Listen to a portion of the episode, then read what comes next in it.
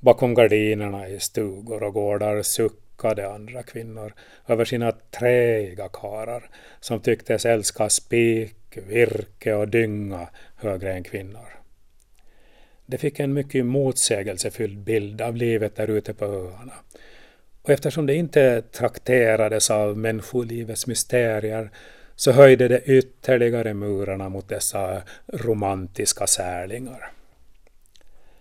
Kararna höll Friman för en satans sprätt och skrävlare. Men eh, nog avundades man honom hans handlag med kvinnor. Självfallet kunde inte de mörka stråken i öbornas samliv alltid hållas tillbaka ens under gemensamma utflykter till fastlandet.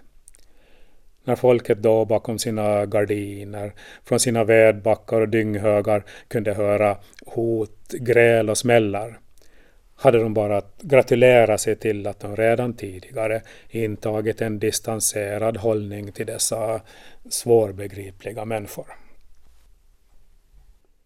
Sällan står människan så nära oändligheten som under en vinternatt på havsisen. Isen reflekterar stjärnhimlen så att det är rymd både över och under dig. Och på bägge håll är det lika stilla, kallt och ödsligt. Det finns inget mjukt, inget levande. Om du är ensam där ute hoppas du av allt ditt hjärta att det ändå finns en Gud. Du hoppas så intensivt att du tror, även om du har varit den ljummaste agnostiker. Du klarar inte tanken att de små dungarna av bioplasma på öarna och kontinenterna bakom isvidderna skulle vara det enda levande i denna väldiga kalla tomhet, där det svävar på en hinna av is. Sådana isnätter skapar tro. Havsisen låg blank kring Bogfär. Temperaturen hade krupit ner till minus 12 men det visste inte Alina eftersom vågfärarna inte ägde någon termometer. Hon kunde bara känna hur kölden brände sig upp under skärken där hon pulsade ut mot den lilla byggnad som helt enkelt benämndes skithuset. Hon beslöt att vända tillbaka och använda pottan istället. Till den här kölden kunde vara hälsovådlig. Då hörde hon ett taktfast krasande utifrån isen och snart också små dunsar som avslutades i ett fräsande nere vid bryggan. Ett välbekant ljud från en sparkkälkstur i gott före som bromsades i en sladd över blankisen. Sen timma, hög fart och en överdådig inbromsning pekade ut att den anländande sannolikt var Karl Friman och att han knappast var nykter. Alina tassade in bakom vedlidret för att avvakta utvecklingen. Hellre frysa än dela stugvärme med Karl ifall han var full och brunstig.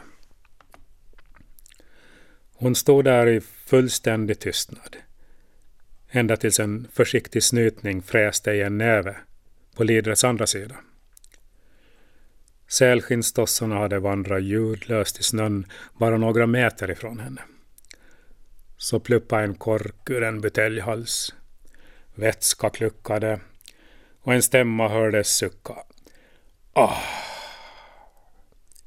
Därpå en dov vädersläppning och ett skrockande. Utan tvekan Karl.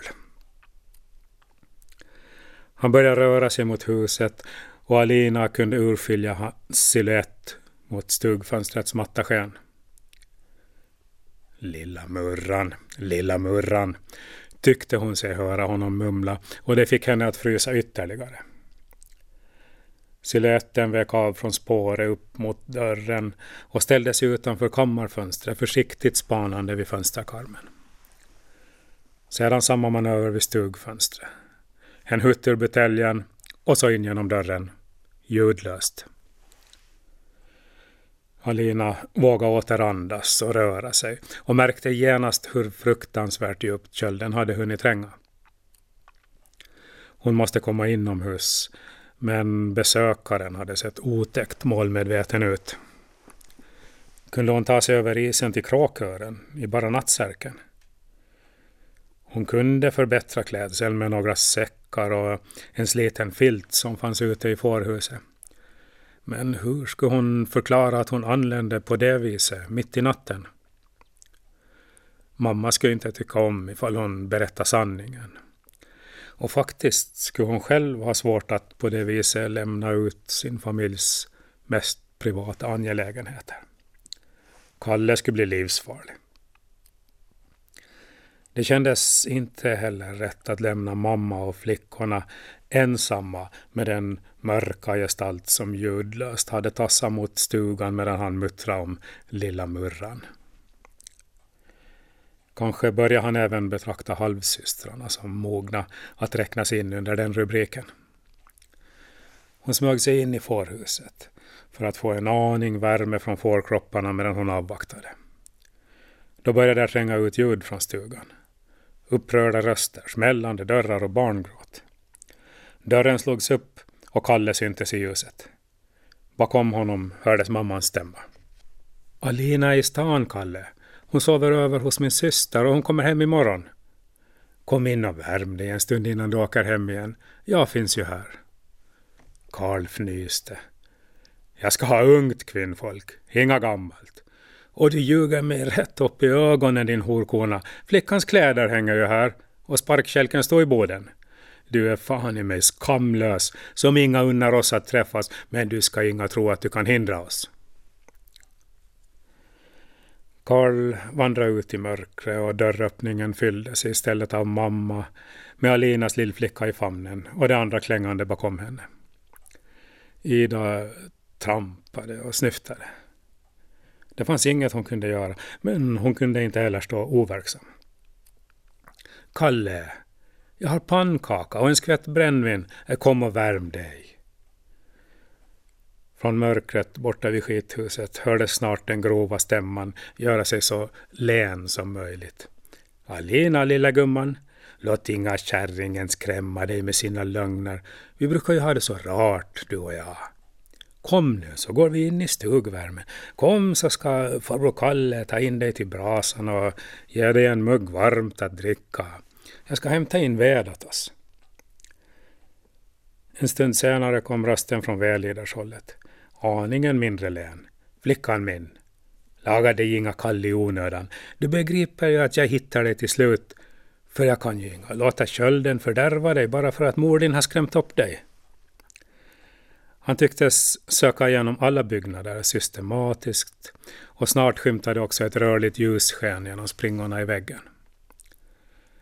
Alina smög sig fram till fönstret och såg att Kalle nu hade fått igång en oljelampa och var på väg mot häbret. Därefter stod säkert fårhuset i tur och med lampan skulle han se in i alla vrår. Kunde hon gräva ner sig i höet? Hon tvivlade. Hon hade sett flera exempel på att han ägde särskilda förmågor i att vädra sig fram till vad som dolde sig för vanliga sinnen. När han jagade tycktes något vägleda honom så han kunde känna var haren tryckte i sin buske och så gick han bara in och sköt den. En darrande ung kvinna kanske kändes ännu tydligare och hans jaktinstinkt var säkerligen på topp i natt. Hennes hopp stod till att Ruse kunde trubba av hans förmåga men det var ett klent hopp. Där fanns heller inte mycket hö att lägga över sig. När lyktan försvann in i häbbret slank Alina ut med säckar och en liten sliten filt under armen. Hon sprang i fotspår som ledde mot stranden men hade bara hunnit en bit på väg innan lyktan åter dök upp på gårdstunet. Karl måste ha uppfattat något. Hon ställde sig blickstilla för att inte ge honom fler signaler. Nu kunde hon bara hoppas att mörkret var tätt nog, för något annat skydd hade hon inte. Hon hade inte ens hunnit lägga sig ner i snön och nu var det för sent.